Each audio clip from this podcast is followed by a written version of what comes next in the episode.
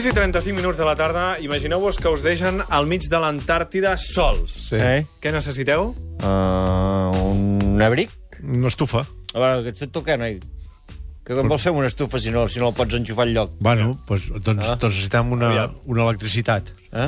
Sí, que Mm, sí. evolucionem una mica més. Una brúixola. més? No, una brúixola no. Mm, Bueno, no sé. No sé. Necessitem una sabata. Una brúixola, una brúixola, sí, clar, clar, però estàs al mig de l'Antàrtida, és el que necessites, no? Sí, segur? Ah, sí? Sí, Per home, fer què? sí, Per saber cap on has d'anar. Ah, bueno, Perquè depèn. si no, allà si gires avall...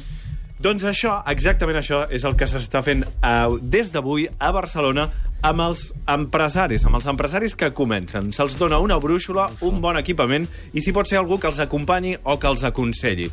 Vis Barcelona és la fira que ha començat avui al recinte Montjuïc de Fira de Barcelona. Durant la crisi, per exemple, molta gent ha fet allò de capitalitzar l'atur, tens uns quants diners, els inverteixes en un projecte de negoci, però quan obres l'empresa trobes com si fossis al mig de l'Antàrtida, que és cap on tires per avançar. Doncs això és el que estan aprenent aquests dies en aquesta fira que es diu Vis Barcelona. La tribu de Catalunya Ràdio té una unitat mòbil a aquesta hora al Saló Vis Barcelona amb el Xavi Cussó i l'Albert Vilella. Albert, bona tarda, com estàs? Hola, bona tarda.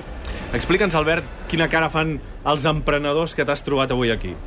Bé, doncs, el primer que m'ha sorprès quan, quan he entrat ha sigut la varietat de gent que hi ha. Mhm. Hi ha realment un gran contrast. M'explico. Et pots trobar des d'una persona amb xancletes i pantalons curts fins a algú encorbatat i ben mudat. Vull dir que hi ha una gran diferència de, de persones aquí. Sigui, no és allò l'empresari clàssic, sinó que hi ha gent que està començant, probablement, emprenedors, gent jove, pantalons curts, samarreta i sandàlies. I quina informació venen a buscar els uns i els altres aquí, a Vis Barcelona? Bé, doncs, tota la gent o la gran majoria de la gent que venen aquí és per buscar consell, per, per tirar endavant les seves empreses, els seus negocis o senzillament la, la seva idea. Aquest any, sobretot, s'ha volgut potenciar els emprenedors i les petites i mitjanes empreses. Aquí tot està molt ben organitzat. En una banda trobem l'espai Biz Empren, on s'ajuda a tots aquells emprenedors a passar d'una idea a una realitat, de- d'una idea a l'empresa. Sí. Després, a l'altra banda, Sí. hi podem trobar la zona Biz Pimes, Pimes.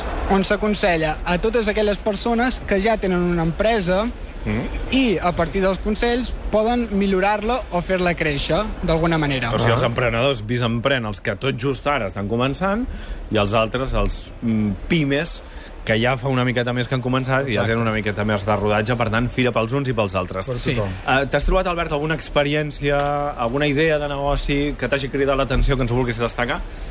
Primer de tot, eh, m'ha sorprès la quantitat de gent que hi ha. Per què? Un cop entres, Sí. no, no veus gent circulant per aquí, no, no veus gent voltant. Però en, quan comences a mirar els llocs on es fan les, les conferències i les exposicions, doncs en aquell moment és quan te n'adones realment de la gent que hi ha. Està petar, tot. Mm. I després, una altra cosa que també m'ha sorprès Sí. sí. ha estat la manera que tenen alguns empresaris de vendre la seva idea. Com? Per exemple, hi ha un home Sí. Que anava encorbatat, ben vestit, Eh? normal, Sí, era una broma. vale? però al cap hi portava una màscara de cavall. Què? Ai, coi. Albert, vols dir que ho has vist bé, això? I tant. Que has begut. fixat més d'una vegada. I què, per, per què portava una màscara de cavall? No en tinc ni idea. O sigui, simplement per cridar l'atenció, eh? Sí, perquè la seva empresa anava d'informàtica o de no sé què, però vull dir, no tenia cap mena de relació amb els cavalls. Per tant, la màscara només era per, per atreure l'atenció a la gent. Bé, ens quedem amb aquesta idea. Vis Barcelona, la fira d'empresaris. Alguns que eh, Torna cap aquí, Albert, comencen eh? ara i d'altres que ja han començat, on et parar. pots trobar un senyor amb corbata un amb un cap cap de de cavall. un cap de cavall. Això no ho vagis explicant, que no et creuran, eh? No, això, vull dir, vigila, eh? Avui... Albert! Albert? Sí? Ah, No. em sents o no? Que Sí, sí, sí. que sent. Va, Al va. costat de l'Albert eh, eh, tenim dos joves empresaris i la seva mentora, i ara explicarem què és exactament això. Marc Guerrero, Xavier Mallol i Yolanda Tarango. Bona tarda a tots tres, com esteu? Hola, bona tarda. Hola, bona tarda. Em sembla, que, em, em sembla que fa molt poca estona heu acabat una conferència sobre això, no? Sobre els mentors. Sí, eh, nosaltres som una empresa, una startup tecnològica, Mm. es diu Delectatec, i des de fa dos anys també estàvem a l'Antàrtida, com dèieu vosaltres, Sí.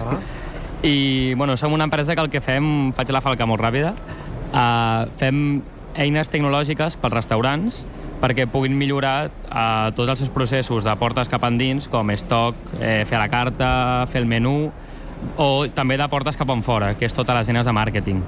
Llavors, ho apliquem amb un mini robot d'intel·ligència artificial que el que fa és es llegeix tot el que surt a internet als restaurants i els aconsella sobre quines de les nostres eines haurien de fer servir. Mm. Llavors, tot això sembla molt maco, però després t'enfrontes al mercat i és quan et dones compte que estàs bastant sol a l'Antàrtida. Perquè vosaltres, vosaltres sou tots dos enginyers informàtics, treballeu cadascú a la seva empresa, i ha un moment, fa un parell d'anys, que dius, escolta, tinc aquesta idea, vull treballar en aquest producte informàtic eh, per gestionar restaurants, Delectatec, De l'Actatec. i eh, el vull tirar endavant. I clar, et trobes això, en l'Antàrtida, no? que necessites algú que t'ajudi una miqueta, que et doni idees de com arrencar. Per on comenceu? Perquè és molt difícil començar, no? Bueno, al principi et vas buscant una mica la vida com pots. Eh, hi ha Barcelona Activa, hi ha fundacions com el CEPAC, que es dediquen a una mica a donar suport a tots nosaltres que estem una mica aquí a, a l'Antàrtida. I en aquest sentit, eh, és la Fundació CEPAC qui ens proposa eh, aquest bueno, aquesta idea de fer el, el mentoring. El mentoring, per nosaltres al principi no enteníem molt bé com funcionava i pensàvem que podia ser una mica una pèrdua de temps, Ja.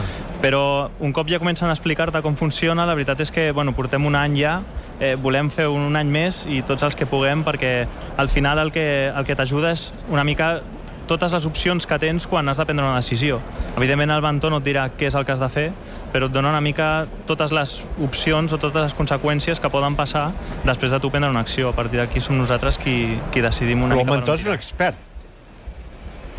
Uh, El mentor de Yolanda, amb qui podem parlar. La Hola, Yolanda. Yolanda. Aquí està la Yolanda, hola. El La mentor què és, doncs? La brúixola. La brúixola, Eh, a veure, un mentor no és un expert. En primer lloc, jo no sé què, què vol dir ser expert avui en dia. Um, jo realment no sé res de restaurants, Carai, jo no sé res d'intel·ligència artificial, em donen 100.000 voltes en tot el que saben, però el que sí que tinc és molta experiència en muntar projectes i en tirar eh, negocis endavant. Aleshores el que faig és, el projecte seu, jo arribo, ells ten, en tenen preparada una llista de tot el que volen saber, preguntar, contrastar, Uh-huh. i jo des de la distància, perquè no visc el seu projecte en el dia a dia, els hi dono la meva visió des de fora. I es veu que això els ajuda, Es veu, es diu, veu, es diu la veu que això els ajuda. I, I realment és una experiència de creixement mutu molt important, més enllà del projecte, Uh, perquè com a mentor tu no et pots enamorar del seu projecte, perquè si no deixaries de ser objectiva, però sí que t'enamores d'ells una mica, del Ai. seva, de la seva empenta, de... Eh, Com això, acaba això? Les seves xicotes, les seves xicotes no, eh, poden estar tranquil·les, eh? Jo, Yolanda, justament volia saber quina relació tens amb ells, perquè personal, dic, perquè, clar, tu t'enamores una miqueta d'ells, però en el fons ells són com els teus fillols, no? Uh, mm, no ben bé. No. És a dir, uh, jo hi ha coses de la seva vida del dia a dia que m'estic enterant aquests dies perquè professionals com vosaltres els hi pregunteu. Però realment després d'un any i uns mesos eh, uh, treballant, jo no conec els seus pares, els he conegut avui, les seves xicotes les he conegut avui, no sé quines són les seves aficions... És a dir, nosaltres quan, quan fem una sessió de mentoring és una sessió de treball i parlem de treball. Quan jo dic que t'enamores, és t'enamores de la seva professionalitat, Sí, sí, sí, tot sí. i la seva joventut. T'enamores sobretot perquè del seu Yolanda, una cosa que tu aportes, t'agradi o no, és anys. Sí. Sí, no, no, i encantada eh, de portar anys, i tant de bo els pugui aportar durant molts anys més. Perquè a vegades ve, els veus a ells, el Marc i el Xavier, amb una bona idea, amb unes grans capacitats, i potser l'únic que els falta justament és això, anys, no? Coses que Ah. l'experiència et pot haver donat. Sí, jo crec que els hi falta, eh, per una banda, autoreconeixement, és a dir, algú que els hi digui, mm, que els hi faci de mirall i que diguin, pues, pues sí, ens reafirmem en el que nosaltres volem. Després, el mentor els hi dona constància perquè han d'assumir uns compromisos de sessió en sessió. I això fa que, malgrat que hi hagin períodes que, que tu penses que no té recompensa perquè realment ells dediquen moltes hores i, i tots just treuen un sou. I tot el, més enllà s'endeuten i assumeixen molts riscos. I, i clar, això no ho pots compartir amb la família.